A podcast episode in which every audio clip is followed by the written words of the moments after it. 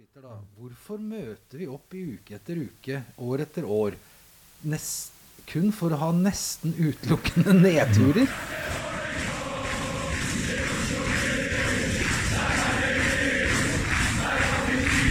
Du hører på Stang ut på overtid, en lydfanzine om Vålerenga fotball. Hei og velkommen til den 29. episoden av eh, Stang ut på overtid. I dag så skal vi lage en episode som vi egentlig hadde tenkt å lage for en stund siden. Når det var eh, verdensdagen for psykisk helse, så tenkte vi vi må finne en som har, kan snakke med oss om eh, hva kan det å være fotballsupporter, hvordan kan det virke inn på vår psykiske helse? Og så tenkte jeg at det måtte være lett å finne noen som hadde skrevet noe om. Og så viste det seg at uh, det var det ikke. Så når jeg da spurte Twitter, så var det noen uh, som ganske raskt sa Men du må spørre Arve. Arve, se. Ja. Uh, så viser det seg at det var et veldig godt tips. Jeg sendte en melding til deg, Arve. Kan du heter mer enn Arve? Jeg heter Arve Elseth, ja. Stemmer det. Velkommen. Takk og du er professor på NTNU. Ja, rett nok ikke i psykisk helse, men i sosiologi. i sosiologi. Og i eh, den forbindelse har du forska på supporteratferd. Jeg har gjort. Mm. Eh, ikke bare fotballsupportere, men Jeg er, kaller meg av og til publikumsforsker. Publikumsforsker. Jeg ser på Fotball var doktorgraden min, og jeg skriver fortsatt litt om fotball og forsker på fotballpublikum. Men jeg har også skrevet om annet idrettspublikum, og jeg har skrevet om musikkfestivalpublikum og, og, og flere andre eh, ting. Alt som har Alt med hvordan publikum reagerer og, og på det som foregår på en scene, på en stadion eller på et uh, lerret, til og med, uh, interesserer meg. hva er det som interesserer deg så veldig med det? Det er først og fremst variasjonen. Altså at uh, på, på tysk så har man ordet, ordet for tilskuer er f.eks. Zuschauer, altså tilskuer. Noen som ser på noe. Eh, ikke sant? Publikum er et litt videre begrep, og det innebærer f.eks. at eh, som publikummer så er det ikke bare sånn at man konsumerer noe som foregår på et fotballstadion eller på en teaterscene. Man kan også respondere på det man ser, og det blir, eh, så jeg er interessert i interaksjonen altså samhandlingen mellom det som foregår på banen og det som foregår på tribunen. For det er ikke sånn at man bare sitter passivt og lar seg underholde f.eks. av 90 minutter med fotball. Det er jo som regel ikke spesielt underholdende. Men man skaper en form for dynamikk mellom det som foregår på banen og det som foregår på eh, tribunen. Og så er det variasjoner i ulike uttrykksformer jeg bl.a. er interessert i. F.eks. at et rockepublikum er mye mer utagerende enn f.eks. et publikum på en klassisk konsert. Som jo sitter stille og klapper akkurat når de skal klappe, og for øvrig sitter og lytter intenst. Eller variasjonen mellom publikum på Wimbledon-turneringen i tennis, som også klapper akkurat på de riktige stedene, men som uh, spillerne kan til og med nekte å serve hvis det er for mye bråk på tribunen. Tenk deg en straffeskytter i fotball som nektet å skyte straffe inntil det ble stille på tribunen. Altså Den type variasjoner i hva som forventes og hvordan man agerer som publikum, som en kollektiv masse, interesserer meg veldig. Ja, Um, det, skal ikke, det skal ikke stå på, på eh, eh, interaksjon og følelser, i hvert fall hvis du snakker med Vålerenga-supportere de siste månedene. Eh, så formulerte eh, spørsmålet som, eh, eller, til episoden liksom, Hva er det egentlig vi driver med når vi går på fotball?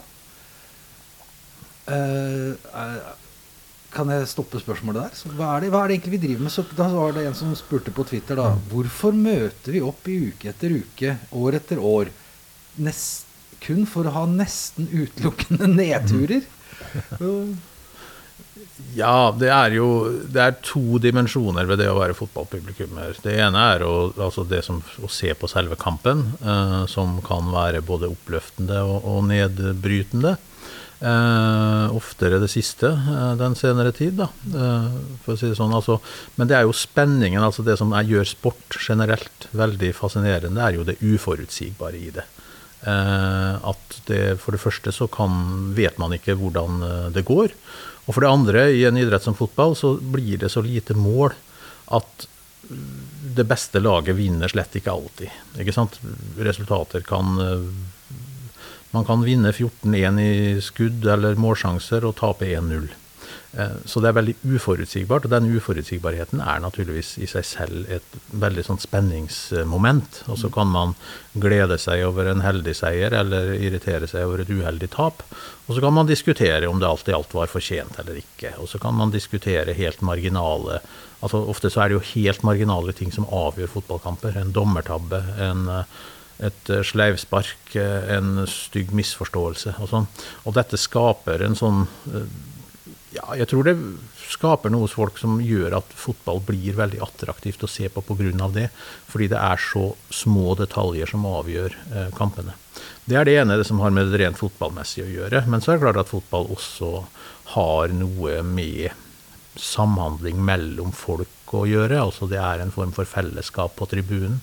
Det er folk som som regel sitter eller står i nærheten av de samme menneskene kamp etter kamp, uten nødvendigvis å kjenne dem så godt, men de er en del av interiøret som ser, dette, ser på dette her. Og man vet at man har noe felles i kraft av å uh, møte opp annenhver lørdag eller søndag for å se på um, dette, um, dette laget sitt og klubben sin. Og, og, gjennom det så skapes det en form for fellesskap som gjør at ja, som utgjør en tilleggsdimensjon til det rent fotballmessige. At man vet at man er sammen med noen som har omtrent akkurat på det feltet, omtrent samme interesser og verdier som en selv. Og man kan i heldigste fall klemme på ukjente personer. Man kan snakke med Man kan komme i prat med personer og man underforstår på en måte at man vet hva man snakker om når man sier at dette er den beste omgangen vi har spilt så langt i år, så, så trenger man ikke legge så mange forutsetninger til grunn for det utsagnet. Man vet at den andre er innforstått hva man snakker om, og at begge har sett de kampene som har vært så langt i år, f.eks. Så det, er, det, ene er det rent fotballmessige, som, som gjør fotball til en veldig interessant idrett. Men det andre, og kanskje viktigere, er det som har å gjøre med fellesskap og at man er en del av en sosial sammenheng når man ser på fotball. Ja, er det For det, det var jo da 10 500 mennesker her i går som sto i minus to og så på. Du sier det er en uforutsigbar sport. Vi tapte da forutsigbart nok. Eh, ja, og expected goals var vel 2,7 til Vålerenga og 0,9 til Rosenborg eller noe sånt, så vidt jeg så. Um, som, litt an på hvem som forventer, tror jeg. ja. Men, ja, nei, ja. ja. Um, men, men, det med å, å som du sier um, Møte folk som du bare møter i denne settinga, som kan mm. komme fra hvor som helst ellers, og du aldri ville møtt. Mm. Uh, vi snak, jeg hadde litt med innledningen til uh, Er det Det med å søke det fellesskapet. Mm. Hvor er det vi har gjort Det har vært snakk om at det erstatter f.eks. religion, eller at i gamle dager så bodde man ofte hele livet på samme sted. Du kjente alle rundt deg. Du hadde en jobb hvor du kunne forvente kanskje å ja, bli til du fikk gullklokka, mens nå flytter folk. Vi ikke, går vi veldig ofte i kirka og har et fellesskap der. Eh, vi bytter jobb hvert femte år, sånn at man har veldig få lange eller sånn konstante lite mm. Eh, steder hvor du har denne dette fellesskapet med folk. Eh, kan det f.eks. Ja, være botemiddel for eh, liksom, ensomhet, rotløshet, sånne ting, som vi har funnet andre steder før? Delvis så kan det nok det. Altså, jeg, jeg, tror at det er ganske mange som hevder at når fotballen er blitt en så viktig sånn identitetsmarkør som den er blitt kanskje særlig de siste 40-50 årene, så har det å gjøre med nettopp at eh, det er vanskeligere enn før å knytte identitet til sånne faste, tilskrevne roller som vi har. Altså eh, et bestemt yrke. Min foreldregenerasjon, når de begynte i et yrke i 19-årsalderen, så var gjerne horisonten var at de skulle, ville bli værende i det yrket resten av yrkeskarrieren, og så ville de få litt mer i lønningsposen for hvert år som gikk, og kunne kjøpe seg en bil eller bygge på huset eller et eller annet sånt. Men horisonten var at man visste omtrent hvordan fremtiden så ut. På samme måte så var jeg tror nok at den geografiske mobiliteten i tidligere generasjoner er undervurdert. Altså Den var nok større enn vi ofte tror. Men eh, likevel så var det ikke noe sånn Rastløsheten var nok mindre. Man så for seg at det gikk an å skape seg en fremtid der man holdt til. Og da blir geografi, yrke og den type ting en veldig sånn stabil kilde til identitet. Når, dette, når samfunnet endrer seg veldig raskt, så blir dette mer usikkert. og Man vet at den jobben jeg har i dag, finnes kanskje ikke om ti år. Og man må hele tiden etterutdanne seg, orientere seg på eh, både bolig, arbeidsmarked og til og med på ekteskapsmarkedet og, og sånne ting.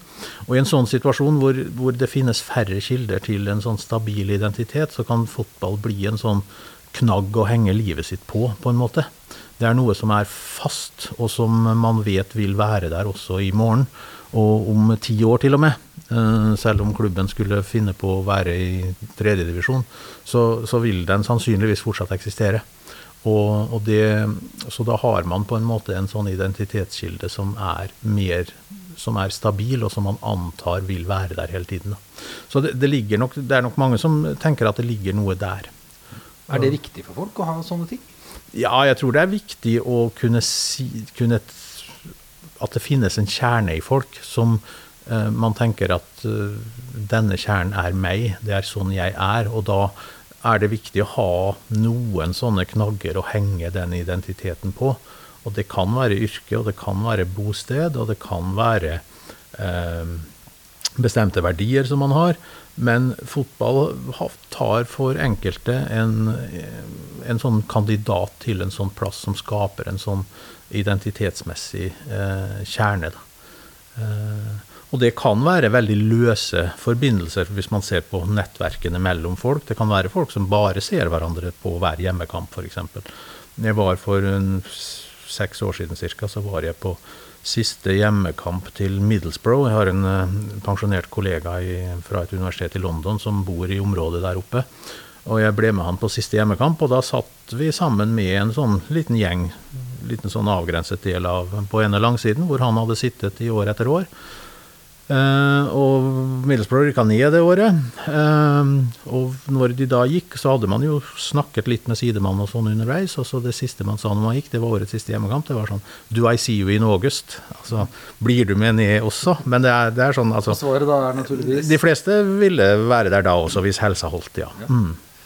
Eh, men eh, det er jo en eh, altfor relaterbar situasjon her vi sitter. det med muligheten for nedrykk.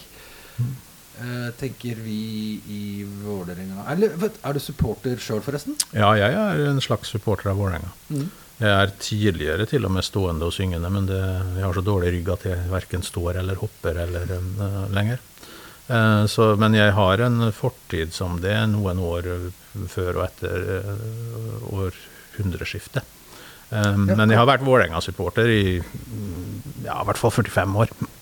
Så du har vært med på å se den uh, forandringa kanskje som jeg snakka med i en tidligere episode med f.eks. Kjell Grønningen om og sånn, når mm. vi gikk fra å være supporterklubben mm. uh, med flosshatt og vimpel til mm. å bli det som er supporterkultur i dag? Var ja. Eh, jeg var vel Jeg, kom, jeg flytta til Oslo i 1987, og da hadde jo forløperen til klanen var jo da godt etablert. Og jeg var ikke en del av det miljøet på den tiden. Eh, det ble jeg først når klanen begynte å vokse for alvor fra slutten av 90-tallet. Mm. Men eh, jeg husker jo for så vidt den derre vimpel- og flosshatt-greia. Ja. Men den største overgangen jeg har vært med på, er nok snarere den overgangen fra den klassiske klanstradisjonen med Kjell og, og, flere andre som var veldig tydelig inspirert av den engelske supporterkulturen de hadde besøkt i 70-80-årene. Og overgangen til en mer sånn latinsk-inspirert, tifo-fargeorientert kultur som oppstår tidlig på 2000-tallet, da på en måte de gamle klansgründerne begynte å trekke på årene, og man fikk en ny generasjon som hadde andre idealer, og som naturligvis ville skape noe eget. Eh, så den overgangen er jo like markant, egentlig. Selv om det begge er supportere, og de har selvfølgelig stor respekt for hverandre, og sånn, så er jo eh, kulturen fra midt på 90-tallet til 2000, allerede 2010, og for ikke å snakke om nå, er veldig sånn forskjellig hva slags typer uttrykk som avgir mest respekt hos dem som står rundt og, og sånn.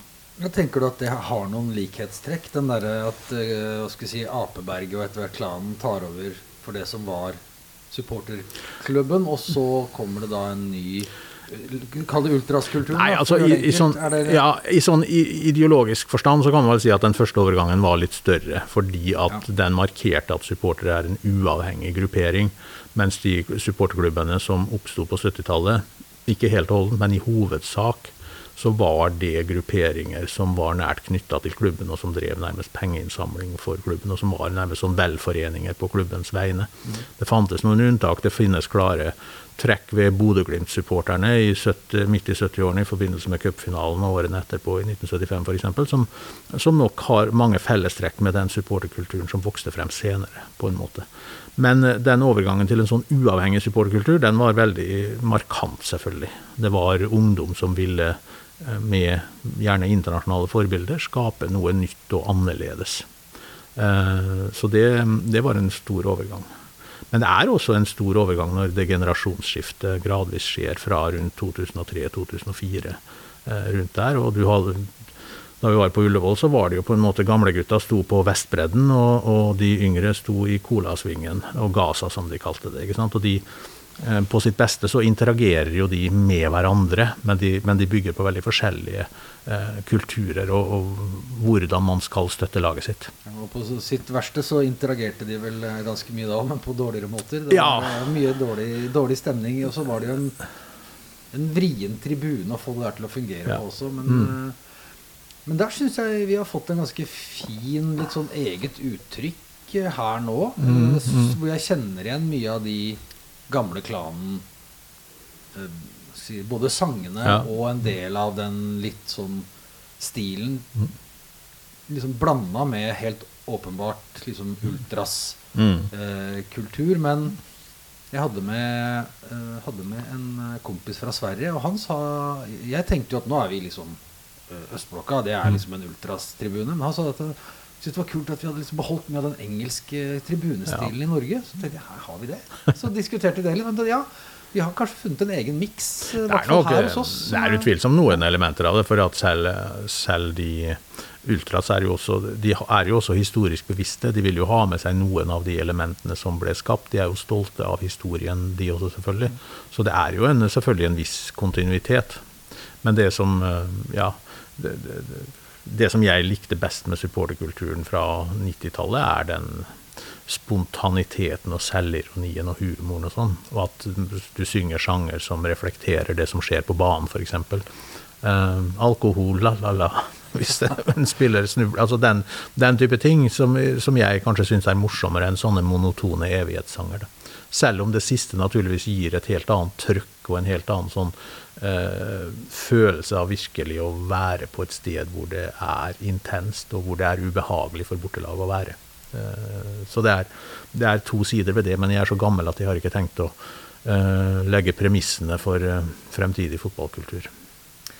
Nei, det kan vel kanskje være greit at vi lar uh, Men det er jo fint å ha noen som kan mene noe kvalifisert om det. Og så, jo, jo. Ja. Mm.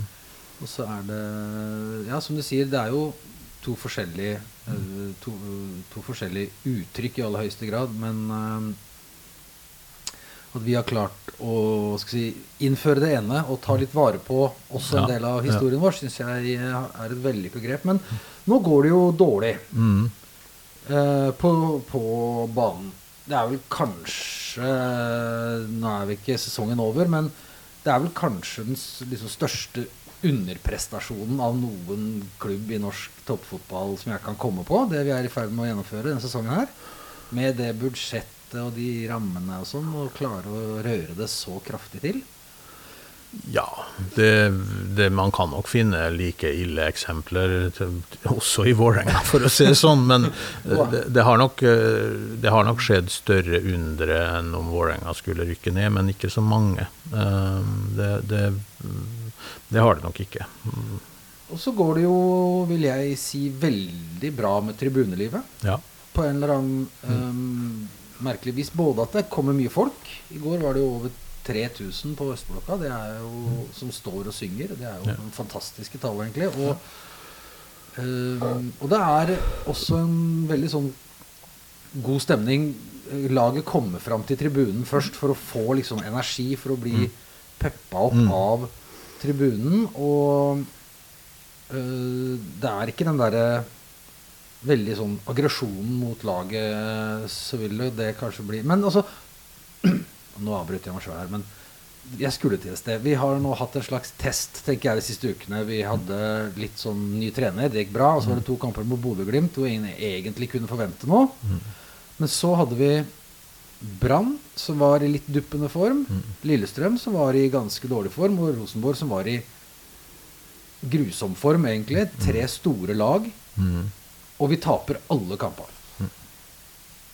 Hva kan motgangen gjøre altså, med forholdet mellom supportere og, og, og, klubb, eller også med supporterfellesskapet? Vil det, vil det virke mot hverandre, eller vil det Nei, altså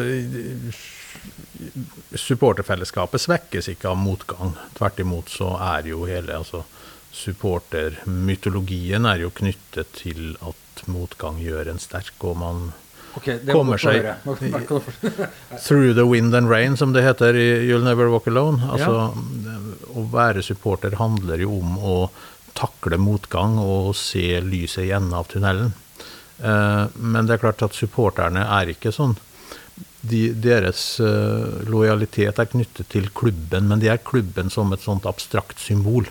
Altså klubbens verdier er noe de ærer og setter over nesten alt annet. Og denne klubben styres da av direktører, av trenere, av et sportslig apparat og sånn. Og den lojaliteten er naturligvis ikke eh, hugget i stein, snarere tvert imot. Altså, for supportere så er på en måte både spillere, trenere og direktører er eh, profesjonelle som forvalter klubbens verdier, men de er ikke klubbens verdier. Så de kan støtte klubben, men likevel på en måte stille seg kritisk til eh, en klubb som styres dårlig, f.eks. Det er ikke fordi at klubben er der vi er. Altså klubben befinner seg på, eh, på tribunen, på en måte.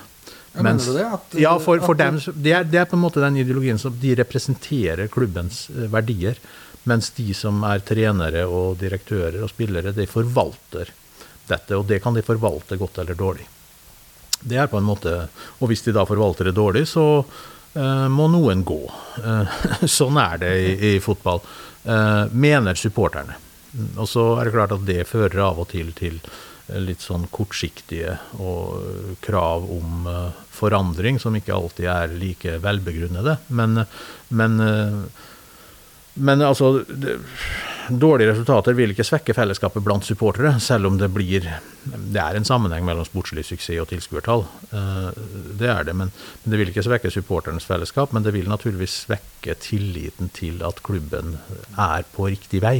Og, og supporterne er ikke, noe, de er ikke lojale overfor den som til enhver tid er trener. For han er ikke, han er ikke klubben. Han bare har en profesjonell rolle hvor han er satt til å skape resultater så kan man ut fra det perspektivet si at det er supporterne Jeg vet at nå Ja, eh, er supporterne på en måte mer en representant for klubben enn det de ansatte eller spillerne er, i det perspektivet? Ja, i en viss forstand så er de det, fordi supporterne er der hele tiden. Mens uh, trenere og spillere kommer og går. Mm. Altså De har en arbeidskontrakt med klubben. Supporterne har en emosjonell livstidskontrakt. Uh, mens spillernes og trenernes er sterkt tidsavgrenset. Så i den forstand så de, de, ser seg av og til som forvaltere av det som er fotballens sjel og klubbens sjel og sånn, og, og, den forvalter de annerledes. Eller det ligger i sakens natur at de ser seg selv som på en måte tidløse representanter for klubben, og, og, og det er noe annet enn å ha en arbeidskontrakt eh, med dem. Men dette er jo på en måte den underliggende ideologiske forestillingen som lar seg tolke ut av hvordan de agerer. Det er jo ikke Supportere liker jo å fremstille seg som sånn evighetssupportere som alltid er der og sånn. og det er jo eh, For noen er det nok riktig, men det er jo også litt Det er jo stor utskiftning også blant de mest ihuga supporterne. Hvorvidt man drar på alle bortekamper f.eks. har jo veldig mye med livsfase å gjøre. Man har en periode, gjerne i 20-årene, hvor man er fryktelig ivrig og er med på alt, og så kommer det en ny livsfase hvor man kanskje eh, får mer omsorgsansvar og sånn, hvor, hvor, man får en mer tilbaketrukket uh, rolle. Og, og, noen kutter også ut. Altså, det er nok mer uh, De livslange supporterforholdene er nok uh, i noen tilfeller mindre sånn livsvarige enn de av og til fremstilles som. Men, men, de, men, de, forvalter et sett av verdier som bygger på denne forestillingen om et livslangt forhold. Men hva med et eh, rett og slett, hva med et nedrykk? Det, har, vet, har du sett noe på det? Hva gjør det med en supportergjeng? Eller en supportertribune?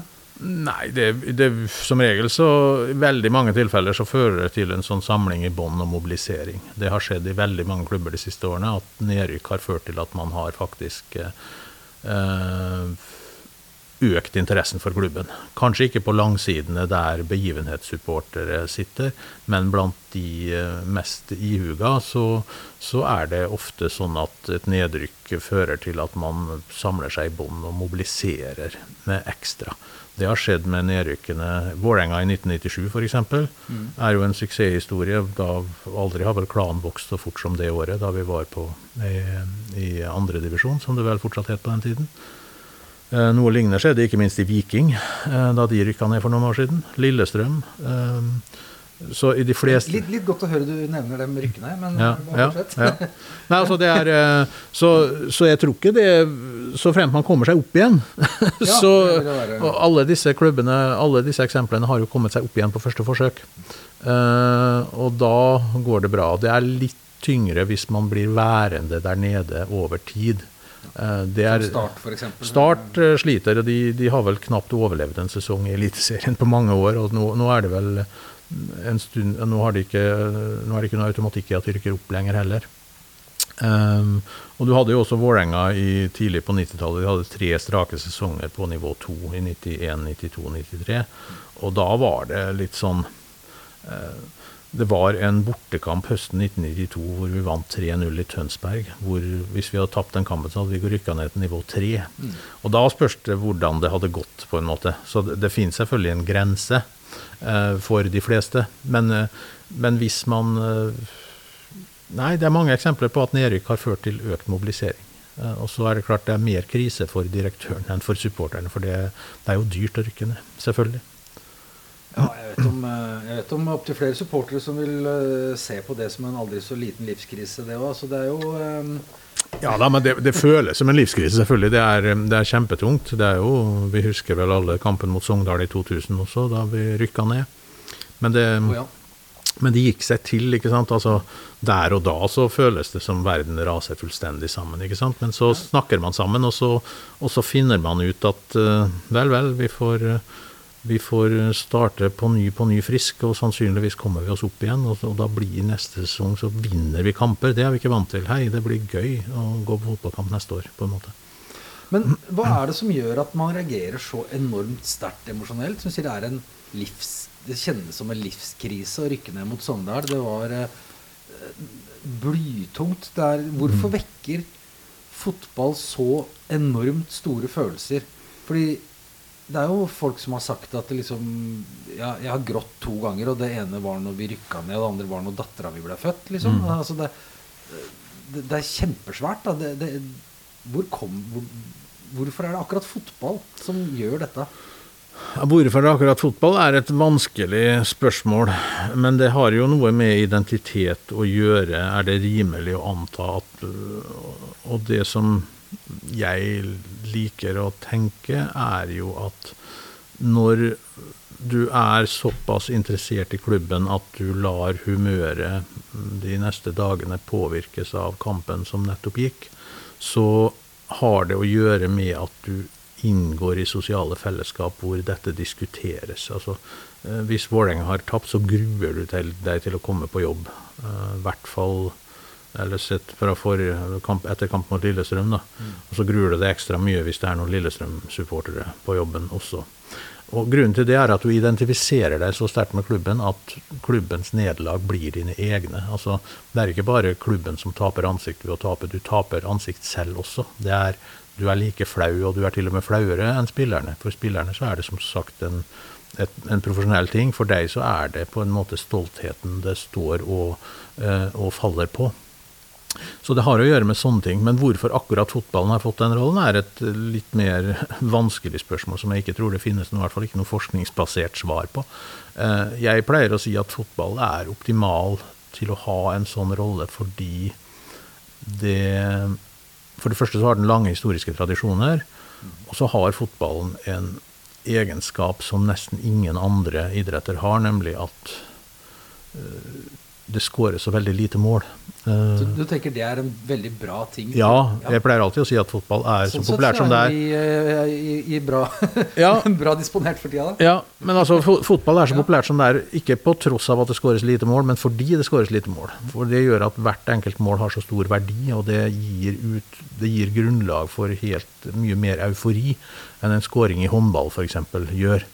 Eh, for hvis et lag tar ledelsen 1-0 i håndball, så, så, vet du at det kommer minst 20 mål til til begge lag uansett, så det spiller ikke stor rolle. I fotball så kan det ene målet være det avgjørende øyeblikket. Så det skapes mye mer eufori i fotball, og denne euforien er jo det du på en måte er på jakt etter. Du venter i åndeløs spenning på det forløsende målet. Og når det da skjer, så, så føler du på en måte at verden eller kanskje du skal si hvis det da skjer, det er jo ikke alltid det gjør det. Men da, da føler du på en måte at uh, du har, du har gjort en skikkelig sånn achievement. Har, det, det, er noe som har lyktes. Og, og, da blir det også så uh, vanvittig viktig. Eh, og jakten på dette målet. ja, jakten på dette målet blir så viktig. Og, og sånn sett så tror jeg at noe av kimen til, til fotballens enorme tiltrekningskraft ligger også der. Og det fører da til at man eh, får Man kan diskutere den enkelte skåringen. Var det offside, eller var det ikke? Var det et uh, flaksemål, eller var det ikke? Um, det er ingen som sitter sånn og diskuterer de enkelte skåringer i håndball hvis det ikke er en eller annen kunstskåring og sånn, da. Men hvis det var en kunstskåring, så husket man ikke om det var 16-14 eller 15-12 da det skjedde. ikke sant? Det er um, fotball har en litt annen struktur pga. det. Og det eh, Jeg skal ikke si at det er grunnen til at akkurat fotball har blitt en sånn viktig identitetsmarkør, men det ligger noe der. Og det ligger også noe i det at når det skjer egentlig ganske lite i mange fotballkamper, du, så rekker du veldig mye annet. Og det er jo det ultraskulturen også baserer seg på. De følger jo ikke nødvendigvis hvert spark på ballen, men de utgjør et fellesskap som feirer klubben og samværet rundt klubben. Og så skjer det en euforisk utløsning, kan forhåpentligvis en gang eller to i løpet av kampen, som skaper ekstra trøkk og kaos. Mens eh, i mange andre idretter så så ligger jo selve underholdningen i å følge med på om et angrep ender i scoring, som i håndball og sånn. I, fotball så handler det om mye mer enn bare det. Og du, du trenger ikke se hvert spark på ballen, og likevel er det mange som har stort utbytte av dette her. Jeg lurer på om du nå akkurat forklart, klarte å sette ord på for meg hvorfor eh, jeg og veldig mange andre fotballsupportere hater VAR så intenst. Ja, det håper jeg jo. Fordi, jo, men det var en forklaring som Altså, jeg har jo vært klar over mitt eget standpunkt. Mm. Uh, men at det er At du satte ord på det nå på en måte som jeg tenkte at ja, det er derfor. Det er jo det nettopp det. Det er så få mål. Det er den oppbygningen som er så lang. Mm. Og så skal du vente da tre minutter mens en eller annen ser på TV for å finne ut om du skal være glad eller ikke. Da er jo liksom øyeblikket er borte. Ja, det er helt, eh, det er helt, eh, det er helt ødeleggende. ja, du mener også det? Ja, jeg, har, jeg, jeg, ser nesten ikke fotball lenger. Jeg, I protest mot VAR så har jeg nesten sluttet å se fotball. Er det jeg, protest, eller er det at du ikke syns det er noe gøy med VAR? Eller er det, det er ikke noe Det er en kombinasjon. Ja. Uh, jeg tenker at uh, jeg jeg snakker jo av og til fotball, eh, om fotball i medier og sånne ting. Og, og hvis noen merker seg at jeg boikotter fotball pga. VAR, så er jeg glad for det, på en måte. Men, men, det har jo også å gjøre med at jeg har ikke samme gleden av det lenger. Nei. Eh, jeg har ikke det fordi at du Jeg er sånn at jeg Hvis Vålerenga spiller mot Lillestrøm, og Vålerenga mot formodning skulle skåre et mål, så så handler det ikke bare om å feire målet, det handler også om å hovere overfor motstanderen. ikke sant? eh, som sitter der flaue og med blikket ned i eh, gulvet eller i tribunen. Og så går det fire minutter, og så blir målet annullert, og da får du den hoveringen så til de grader i retur. Og det er det absolutt flaueste du kan oppleve. Det, det, det vil jeg ikke utsette meg for. så jeg, Derfor så har jeg Jeg klarer ikke å juble for mål lenger. Det kan alltid være et eller annet som har skjedd i mellomtiden. Uh, og da er mye av den ekstatiske begeistringen og den, også den bunnløse skuffelsen over baklengsmål er på en måte borte. Så det reduserer det voldsomme adrenalinkicket. Um, blodet bruser i mye mindre grad enn før, fordi du kan aldri være sikker på at noe er uh, reelt eller riktig. Og da, da, forsvinner også veldig mye av de store følelsene. Og så kan det være at vi altså at det også har blitt så viktig for en del av oss, da, fordi vi er så veloppdradde og siviliserte og flinke eh, gutter og jenter i hverdagen vår, at vi praktisk talt aldri gjør noe. Vi, liksom, vi, vi, drar den litt hvis vi går på rød mann. Ja. Men akkurat når vi er på kamp, mm. Så får du en arena hvor du utagerer på en måte som jeg i hvert fall veldig sjelden gjør uh, i det daglige. Utvilsomt. Jeg er en nokså sindig mann selv, men det er klart i fotballsammenheng så blir det litt annerledes. Fordi du Ja, mange vil jo si at man leter etter, en, leter etter en arena hvor man kan slippe ut litt damp fra topplokket, på en måte. Eh, og det, det, det, har utvilsomt noe for seg. Eh, jeg husker en av de morsomste tingene ved den bok, berømte boka til Nick Hornby som heter 'Fever Pitch'. Det er da han er på sin første kamp sammen med Jeg husker ikke om det er faren hans eller om det er en annen voksen person. Men da er han ikke på liksom North Bank, den supportertribunen, men på en langside. Eh, Hornby har jo sånn middelklassebakgrunn. Men, men det som uh, interesserte, det som fascinerte han mest med den kampen, da var han 11-12 år gammel, det var hvordan alle rundt hvordan alle rundt han hatet, virkelig hatet å være der. Det så ikke ut som de likte noe som foregikk hele ettermiddagen. Uh, og, så underholdning som smerte, det var en totalt ny opplevelse, men noe som han virkelig falt for. Og det er jo det, altså du Det er vel kanskje mer den tradisjonelle engelske stilen også, at du på en måte bruker Du kjefter opp spillere og dommere og medspillere og motspillere og alt som er, på en måte, og masse sarkastiske kommentarer og sånn.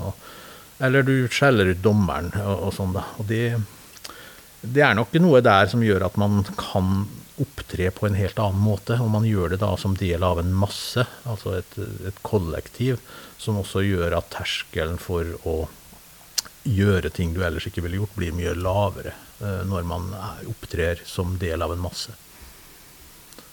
Og i den uh, konteksten Vi hadde jo uh, et uh, derby mot Lillestrøm for ikke så forferdelig lenge siden som uh, ble jo enormt mye diskutert etterpå. Både mm. i ja, hva som gikk på språkbruk, mm. og av uh, bannere som ble hengt opp, og mm.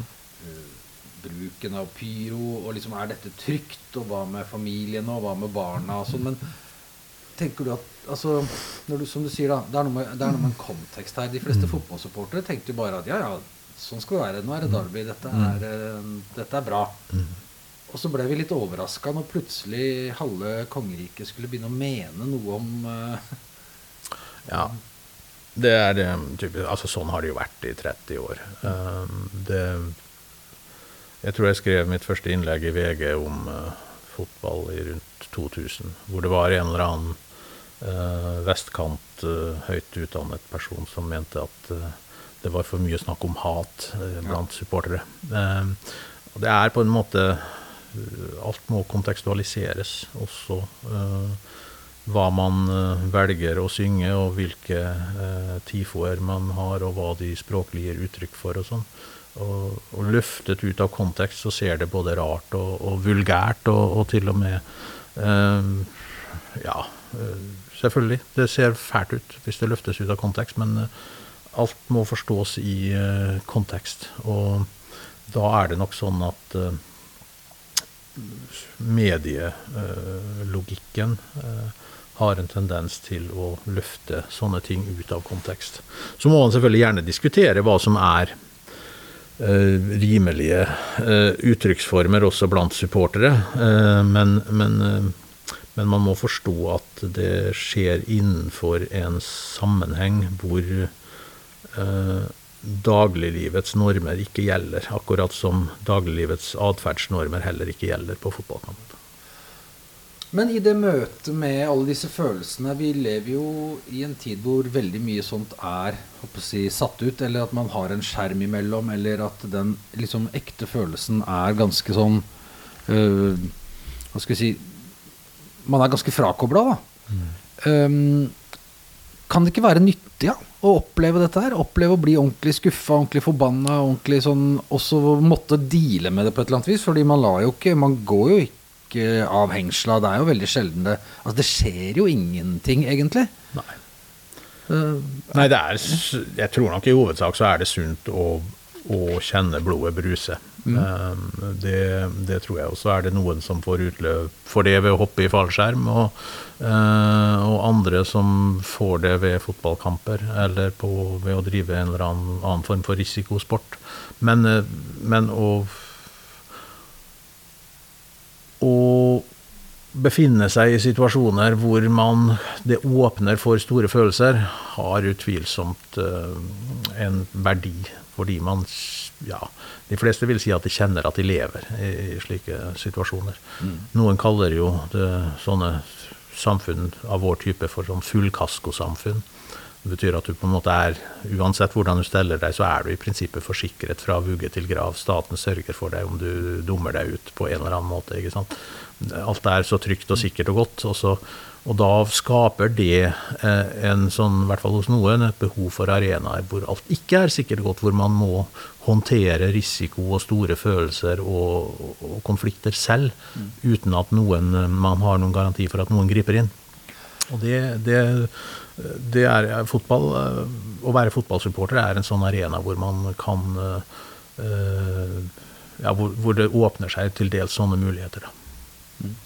Fordi det er jo i veldig, veldig stor grad uh, unge menn, tradisjonelt, som har vært uh, på tribunen, og som har vært drivere i denne kulturen. Og så har det alltid uh, vært jenter og damer med. Og det er jo i større og større grad en del av tribunekulturen nå. Mm. Men de gammeldagse manneidealene Før så var det bare mannfolk. Du så det mm. satt uh, far og sønn, en med flat cap og en med kanskje liksom mm. hvis, altså, det, var, det var en, en arena for liksom klassisk maskulinitet, da. Ja, det var det. Um, og den er det jo ikke så mange andre igjen eh, Den er jo liksom den, den måten å være mannfolk på, holdt jeg på å si. Nei, den, den, er jo den er ikke så moderne lenger. Nei, satt på spissen så fantes det før tre arenaer. Det var ja. fotballsupportere, og så var det Forsvaret og politiet. Ja. De hadde ja. Eh, de, de, ja, men de, de, hadde en del sånn type mannssosialisering som uh, som under fravær av et kvinnelig, noen vil kanskje si korrigerende, blikk, eh, utviklet eh, omgangsformer og ikke minst former for humor og språk som var veldig røft og, og, og lite sofistikert. Da.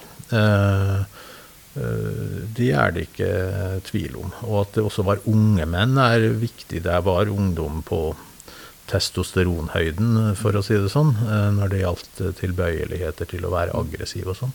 Dette, det, dette, er jo noe du sier er tradisjonelt, og det er det jo, men, men går vi tilbake 70-80 år, så, vil, så, så, var det nok eh, eh, mer sånn familiefedre og sånn, og de tok med barna sine og sånn. Det er med ungdomsrevolusjonen, ungdomsrevolusjonen eh, fra 1960-årene, at ungdom sammen begynner å gå på kamp alene eh, i større grad. Og det er da den, det vi forbinder med supporterkulturen, først oppstår. Når du får uh, ungdommer som samler seg bak det ene målet der billetten er billigst, og så lager de kulturer som er veldig forskjellige fra det som var på 40- og 50-tallet.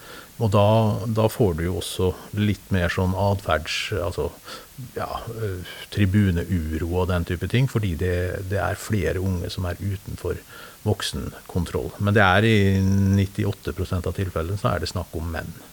Eh, det er det. Og det har jo sin verdi, i den type fellesskap også, selv om det en, som du sier, er en type mannsfellesskap som kanskje ikke er like Ja, øh, det er nok ikke politisk korrekt å, å, hevde at det har veldig stor verdi, i den type fellesskap, i vår type, i vår type kultur, da, på en måte.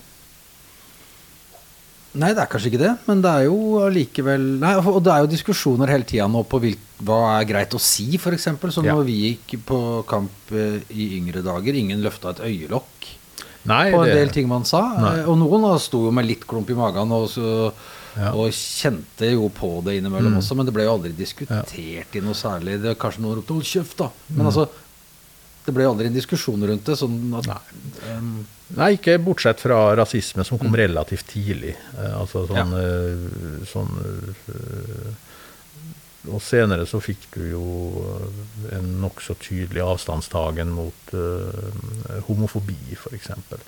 Men utover det så var det jo lenge et sånt frirom for å uttrykke uttrykke seg på veldig direkte måter, og ofte med en sånn referanse, kanskje særlig i et tilfelle som Vålerenga, som kommer fra Oslo øst til en sånn eh, forestilt eh, østkant eh, mannsidentitet. Altså vi lever enkle liv, vi puler og pisser og raper. ikke sant? Det er på en måte et, et sånn fortettet uttrykk for hva slags image man ønsker å fremstå med egentlig ufarlig, men litt sånn røff og, og, og, usofistikert, på en måte.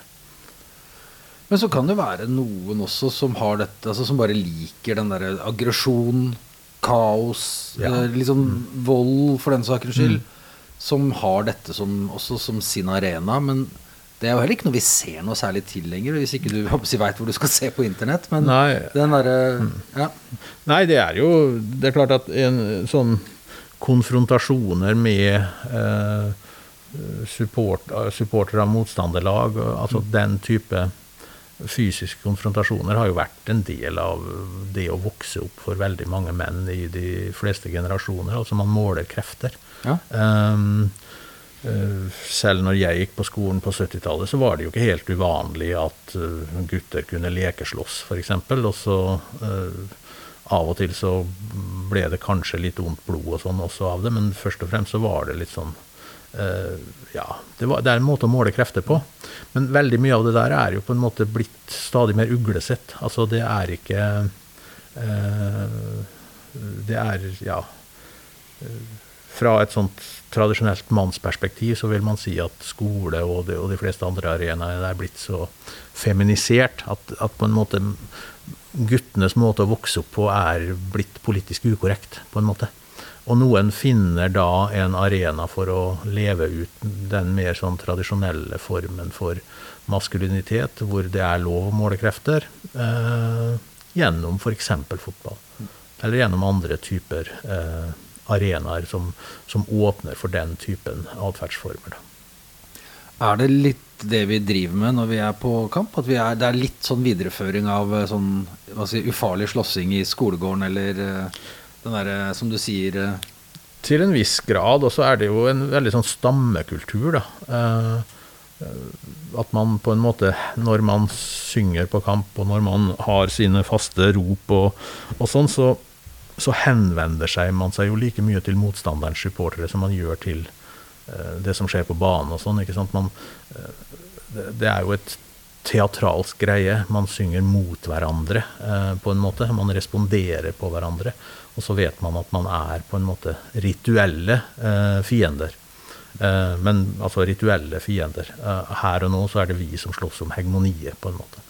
Og det, det er jo en typisk mannsgreie i, i sånn tribune-uro-perspektiv så har jo noe av det som har hatt høyest status, var jo å overta motstanderens tribune og invadere motstanderens tribuneseksjon og sånn, ikke sant.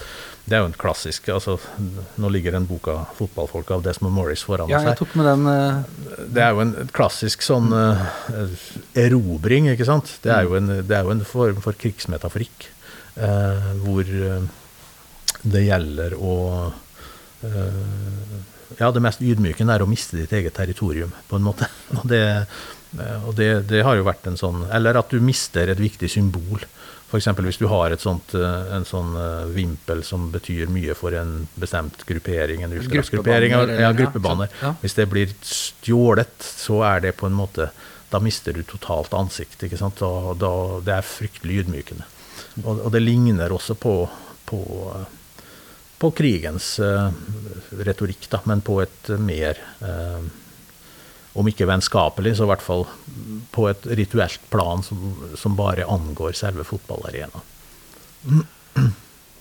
Så er jo eh, supporterkulturen også en eh, arena for ganske mye sånn grasrotaktivisme som får ikke nødvendigvis så stor plass i, i liksom medienes framstilling av alt det vi driver med. Men eh, vi, vi får mye det, er jo ofte sånn hvis det har skjedd noe noe negativt at, vi, at eh, supportergruppene blir eh, trukket fram. Men det er jo også um, supporterdrevet, vil jeg gå ut fra. At kapteinene nå spiller med f.eks.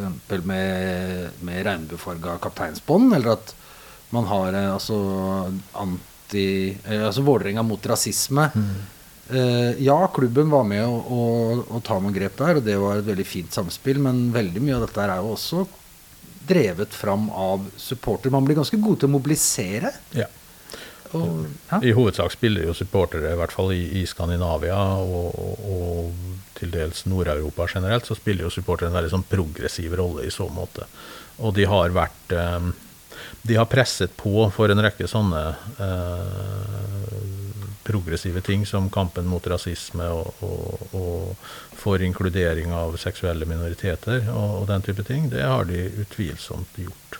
Og, er, I tillegg så kan det nevnes at supporterkulturen eh, har jo veldig mye sånn frivillig arbeid. Altså Tenk på det arbeidet som ligger bak TIFO-er og sånn.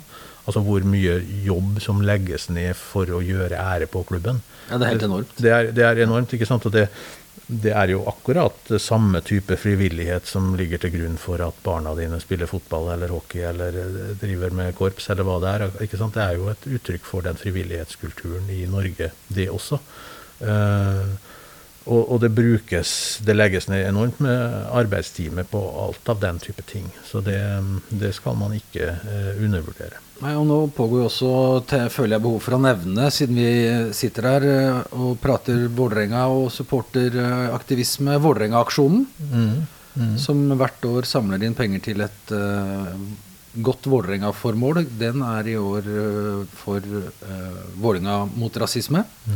Jeg oppfordrer alle som hører på, til å, til å støtte med det de kan der, sånn at uh, innsamlinga skal gå bra, og vi eh, viser hvem vi er. Um, uh, men alt dette her er jo Og det, dette er jo sånn som vi som går på fotball og kjenner folk som driver med det, vi veit om det, og det blir trukket fram når vi prater, men det er ikke så veldig synlig. Det er jo uh, det er jo mye flottere bilder av noen som skal hoppe ned for å ta noen, eller at du får eh, Du venter at det skal komme bortesupportere, og de er så og så farlige, og politiet må mobilisere så og så mye, og du kan ta bilde av noen med sånn balaklava på seg, eller Altså, det er jo Det bildet blir Kan det være med på å dytte folk i en uheldig retning, tror du? Hvis man blir framstilt som liksom Ja, det er, noe, det er klart Det er noe som heter selvoppfyllende profeti. At man hvis man hvis man ikke behandles med respekt fordi man hele tiden mistenkeliggjøres, så,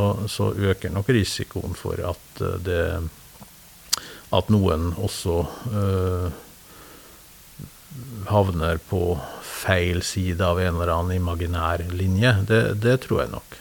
Eh, og, og det er klart at eh, medielogikken lever av spenninger og konflikter, eh, først og fremst. Og det er mer interessant å lese om balaklavaer på supportere enn det er å lese om eh, alle timene som legges ned for å lage en eh, TIFO, eh, eller alt som legges ned av arbeid i Vålerenga mot rasisme og sånne ting.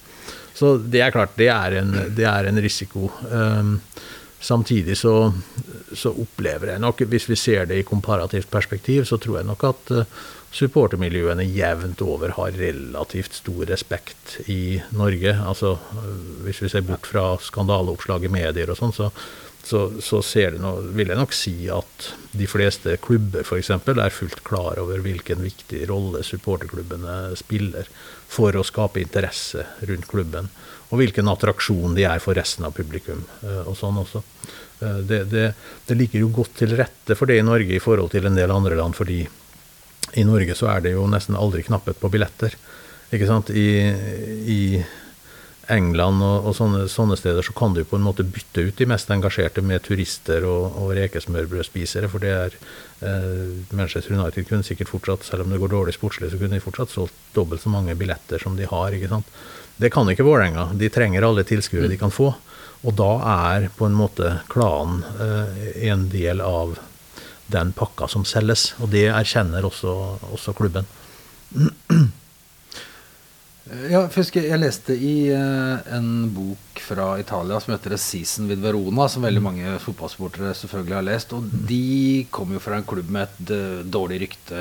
Byen hadde et dårlig rykte. Det var mye eh, fokus på at de var rasistiske pøbler og sånn. Og da, hvordan det ble en sånn Ja, ja, vi, her, her kommer Uansett hva vi gjør, så blir alle må svare for hvordan hvor, hvorfor de er rasistiske pøbler, og så ender bare alle opp med å oppføre seg ganske sånn selvopp... Altså, de, de, de fyll, oppfyller den eh, Ja. ja, det, det bildet av dem selv fordi de vet at uansett hva vi gjør, så er det egentlig litt gøy også å bare liksom Ja. ja, vi, ja. Det behandler du Behandler du mennesker som dyr, så blir de dyr, var det noen som skrev etter Hillsborough i 1989. Det, det er noe, eh, noe i det også. Eh, ja. Jeg har fått et spørsmål eller, eh, fra en som heter Styrmann. Christian heter han egentlig eh, på Twitter. Han har sagt at dette er ikke egentlig et spørsmål, men en påstand fra meg. Han holder da med Stabæk, veit jeg, men han får slippe til allikevel. Eh, folk som holder med gode lag, som vinner eh, titler og greier, de aner ikke helt hva de går glipp av. De, eh, de får jo ikke brukt hele spekteret av følelser. Nei, eh, de gjør Det er klart det at det er noe med å befinne seg langt nede på tabellen, eller til og med befinne seg i lavere divisjoner år etter år, som eh, inngir en annen type følelse. Men jeg tror nok at eh, bortsett fra de årene Rosenborg vant 14 år på rad, eller hva det var for noe, 13 år på rad var det, så, så vil nok også de som blir seriemestere ha en del svarte øyeblikk i løpet av sesongen. Eh, Så jeg tror nok at de får brukt det meste, men det er klart de får ikke kjent på langvarig motgang, sånn som eh, vi gjør, da. Eh, det gjør de ikke, så det er, klart. Men det er Man klarer å gi mening til supportertilværelsen, enten det går godt eller dårlig. Eh, Jeg, skulle, jeg tenker jeg skulle fint klart å gi mening til en veldig veldig god sesong. Ja. det hadde gått greit for meg. Jeg ga altså. mening til seriegullet i 2005 også. Jeg, jeg Ja, det ga også. veldig god mening der. Og Men det er klart, det var nok mer etterlengtet enn det tilsvarende gullet til Rosenborg året før, som da var det 13. på rad. Ja. Eh, Så det utløste nok større følelser. Jeg husker jo til og med den, den siste runden i 2004. eh, Da Vålerenga slo Stabæk 3-0, men Lyn la seg og tapte 4-1 for Rosenborg. Sånn at vi tapte med ett mål eh, på målforskjell i praksis. Eh, Det var jo en nedtur på en måte, men samtidig var jeg jo enormt stolt over både det klubben hadde oppnådd, og ikke minst hvor enorm stemning det var på Ullevål den kampen. Eh, Så jeg opplevde det sterkere, faktisk. Jeg Ja. synes det var den, Ja. den kampen var Ja. Da sto alt og balanserte. Ja. Tenkte, nå, og jeg følte at vi på et eller annet vis hadde greid det allikevel. Ja, du, du, du, Det var et hederlig nederlag, for å si det sånn, i høyeste grad, ja. Mm. Uh, vi har fått et, uh, et spørsmål til. Um, fra Høylytt og Hes, som sier hvis du, han vil sammenligne oss litt, jeg regner med at du vet noe om internasjonal supporter, uh, supporterliv også. Um, hvis du setter vår innsats og opplegget her opp mot en internasjonal kontekst, er det noen elementer vi ikke har, som de aller beste har? Eller sagt på en annen måte, hva tenker du vi kan bli enda bedre på? Det er det vel antageligvis tribunen her ute han sikter til? Ja, nå har jeg Altså, jeg har ikke vært på Vålerenga-kamp på, på, nesten fire år, eh, faktisk. Eh, ikke etter pandemien. Jeg bor i Trondheim. og, og, som sagt så er jeg inne i en litt sånn dårlig fase i mitt forhold til fotball eh, pga. VAR og sånn. Eh, så jeg, jeg, kan ikke gå i detalj på hva, hva som gjøres utover det jeg ser på TV. Annet enn at det er veldig bra, eh, sånn som jeg ser det. Eh, om det er noe som kan bli bedre, det Jeg syns det er kreativt. Eh, morsomt. Eh, det legges ned en stor innsats både på, på synging og TIFO og, og alt mulig. Så det, det er jo, der, er nok, der er nok ikke jeg den rette å spørre, sånn sett, altså. Men, men at hele supportermiljøet i hele Norge har vært i vekst en del år nå. Og når det kan se ut som publikumstallene begynner å vippe riktig vei igjen etter mange, mange år med eh, nedgang, så, så, har det også med veksten i supporterkulturen og den voldsomme veksten i en del klubber hvor den i mange år har ligget ganske lavt, som f.eks. Viking, mm. å gjøre. Um, så det gror godt, og så gjelder det å ta vare på det, og så gjelder det å huske at den kulturen og det engasjementet som vi har sett nå i år, mange steder, inkludert eh, her på Valle, det må gjenskapes gang etter gang. Altså ting bryter veldig fort sammen eh, og, og, kommer inn i en negativ spiral igjen. Så det er veldig viktig å på en måte gjenskape og, og vedlikeholde det engasjementet som er. Espen B. Han spør eh, han, Først sier han at han eh, påstår at et sterkt voksende antall grå hår er Vålerengas feil. Og så kommer spørsmålet, da. Og det er vel kanskje det vi nesten er kjernen i det vi snakker om i dag. Er det sunt, dette her? Å være så opphengt i en fotballklubb? Nei, ja Innen rimelighetens grenser så er det nok det. Altså, jeg, som sagt så tror jeg nok at uh, å ha en arena hvor du kan få utløp for store følelser i, en, uh, i, et liv som for de fleste av oss ellers er ganske trygt og forutsigbart, det er eh, det, til, det, gir noe til livet som Det trenger ikke være fotball, det kan være fallskjermhopping og, eller sjakk eller, eller strikking også, men, men, men, fotball gir noen dimensjoner av følelsesmessige svingninger til livet som jeg nok tror at um, i hovedsak er uh, til det gode, både mentalt og, og, og, og, på andre måter. Men det er klart det kan jo vippe over. Det er klart det kan.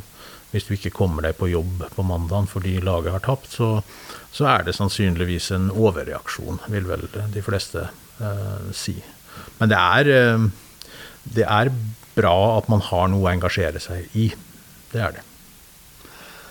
Men eh, se for deg eh, Altså, dette er jo en kultur og en um, idrett som har Dette har vokst fram over lang, lang tid. Men det vi, de, driver med, er jo egentlig Hvis du tenker på det, ganske ko-ko. Altså Tenk du skulle innført dette her i dag og si at vi skal ha en idrettskonkurranse lørdager og søndager. Og så skal vi uh, alle kle seg på en måte. Så skal vi da, hvis det er uh, et lag herfra som skal konkurrere i Trondheim, så skal 1000 av dere ta fly og buss og bil og så kjøre opp og se på. Mm. Og se, synge og et antall sanger. Og så etterpå så skal du dra hjem, skal på jobb dagen etterpå. Det er jo Ja, det er ganske sprøtt på en måte. Eh, men jeg tror jo at altså, de at folk drar 1000 stykker for å overvære et eller annet, det er ikke så forskjellig fra at det drar 1000 stykker til København hvis eh, Bruce Springsteen holder konsert der. Altså, det er på det nivået. Altså, dette vil vi oppleve, eh, på en måte. Men når det gjelder akkurat fotball, som jeg var inne på litt tidligere, så er det litt rart, kanskje for, for et utrent blikk, så er det nok litt merkelig at akkurat fotball har oppnådd den posisjonen hvor 1000 stykker faktisk drar til Trondheim for å se Rosenborg mot Vålerenga. Eh, det, det, er det. Eh, og det, som jeg sa, fotball skaper store følelser, kanskje fordi det blir så, så, lite mål. Men det er noe Jeg husker jeg ble veldig fascinert da jeg leste eh, Dag Solstad og Jon Michelets bok fra VM i 1990, hvor Solstad spekulerer i om fotball ikke egentlig er et veldig utidsmessig spill. Altså, Folk sitter og ser på et uh, spill, sier han, som har utviklet seg i en stadig mer hendelsesløs retning. Og så sier han at hvis fotballen ble introdusert i dag som et nytt spill, så ville de ikke hatt en sjanse. Og det tror jeg han har rett i. Ja. Altså at for Hvis du ser på hva som dominerer i dagens uh, ungdomskultur, så er det på en måte hurtighet, raske skiftninger, um, det er estetikk. Um, etc. Fotball scorer veldig lavt på alle disse kriteriene, så det er bare tradisjonen og at du vokser inn i denne mytologien rundt fotball, sannsynligvis, som gjør at det er så stort som det er. Så, så hvis uh, Nei, det er en dårlig salgspitch. Ja, ja, det, nei, det, det som gjør at det gjør at det blir, ja. det blir uh, det er en grunn til at TV 2 i 2002 bestemte seg for å satse tungt og investere i Basketligaen Norge. For de hadde senset at var no, basket var knytta til en sånn urban, fremvoksende ungdomskultur. som uh, Litt sånn uh, streetwise ungdom som likte å spille basket og sånn. Dette kan bli stort. ikke sant? Og så slo det jo aldri helt gjennom. da, det er Fotballen har grepet fordi den alltid har hatt det, og, og da, da, er det at generasjon følger på generasjon og sånn. Eh, så det er nok mer tradisjon enn det er spillet i seg selv som gjør at folk orker dette her år etter år. altså.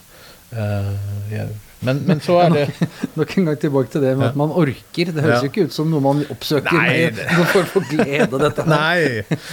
Nei, det er jo Men det er sånn Du do I see in August der, altså skal, vi, skal vi begi oss på en, ut på en ny sesong? Ja, så gjør vi det, da, tross alt. Det er jo tradisjon for det. Nei da, men uh, det er klart, altså fotballsupportere liker jo også å off, lage en fortelling hvor de ofrer veldig mye for klubben. Uh, og det er jo på en måte sant. De bruker mye penger, mye tid og, og, og ofte mye andre ressurser på det også. Men samtidig så er det klart at uh, det er jo Først og fremst så er det jo gøy. Å være på bortetur er jo gøy. ja, vi må ikke glemme det. Det er jo ganske gøy. Ja. ja. Så øh, hvis vi skulle konkludere, Arve, øh, på spørsmålet jeg stilte til å begynne med hva vi egentlig driver med når vi går på fotball, kan vi nesten konkludere med at for oss er dette selve livet. Ja, det er jo det. Og så er det, det, noe som gir mening Det er noe som gir mening til livet. Du, du nevnte jo, Jeg kom jo aldri inn på det med religion. Men kan ja, vi kan jo, den religionsmetaforen, for å ta ja. den helt til slutt, da. Det kan vi gjerne gjøre. Vi sitter jo her i selve katedralen. Ja, dette er katedralen, ikke sant. Um, en religion trenger noen læresetninger, og det er jo knyttet til at uh, Vålerenga, eller enhver klubb, Eh, har en slags sånn hellig status som man ikke skal uh, tukle for mye med. Uh, kirken er stadion, og så har man da, akkurat som kirkegjengere har sine faste ritualer uh, de som går ofte i kirken, vet akkurat når de skal reise seg og når de skal sette seg. og sånn. Presten trenger ikke si det. ikke sant? På samme måte er det her. altså Man har noen faste ritualer som man skal gjennom. Og gjennom de ritualene så bekrefter man både troen på klubben, og man bekrefter sitt eget fellesskap. Og de fleste religionssosiologer, i hvert fall de som ikke er religiøse selv, vil jo si at altså, religionens virkning er at den får folk til å føle seg sterkere integrert med hverandre. Den skaper en form for fellesskap gjennom at man tilber eh, det samme. Og i dette tilfellet så er det da en fotballklubb man tilber. Man kan danne kanskje et fellesskap gjennom lovsang, f.eks.? Lovsang, ja. ja så Vålerenga kirke er jo en lovsang, selvfølgelig er det det. Ja, og tribunesanger ja. Eh, hele tida. De beste, de beste, de hymnene som spilles før kampen mange steder, handler jo nettopp om fellesskap og identitet, og, og gjerne også det å holde ut gjennom tunge tider. Lidelseshistorier. Ja, det er lidelseshistorier, som, men det er alltid lys i enden av tunnelen. Eller, uh, ja. ja. Ja, og, og, spillere som kommer uh, på overgang, blir kalt ofte for han var frelseren. Ja. Det er jo sånne ja. metaforer hele tida. Ja, det er masse ja. Det, er, um, det er klart Forskjellen er at fotballen lover ikke noe hinsidig, da, i motsetning til mange religioner. Altså, når vi drar herfra, så, det, så, sier ikke fotballen at du skal til en fotballhimmel, selv om Vålerenga kanskje finnes der også, men uh, nei. Ja, det er vel en sang om det òg. Kjære Gud, er eh, himmelen et sted for ja, oss. Men ja. eh, uh, Nei, kan, vi kan få litt, uh, litt overtid, men mm. det er ikke noe, det er ikke noe Nei da, vi skal etter. være Apropos Dag Solstad, han skriver også om sin egen oppvekst med, i Sandefjord, at, han, at fotballen førte til hans første religiøse krise. fordi at eh, i himmelen så kunne jo intet vondt skje. Og når intet vondt kunne skje der, så betydde det også at ingen kunne rykke ned. Og det var ikke en fotball som han ville ha. Så det var ikke Han ville vært eh, mot, motstander av en superliga, f.eks. ja, han ville det, ja. absolutt. Hvor man ikke kan rykke Ja. ned. Nei, men nå har det vært eh, snakk om å rykke ned. Kan vi få din eh, Selv om det ikke er sport, sporten nødvendigvis, så har du jo, som du kan aller mest om Hvordan, går, hvordan ender denne sesongen? Nei, Kan du gi oss en mer eller mindre kvalifisert Nei, jeg tipper Vålerenga ender på 13. eller 14. plass. Um, og det betyr kvalik eller mm, at vi berger oss med et nødskrik. Betyr det ikke det? Eh, jo.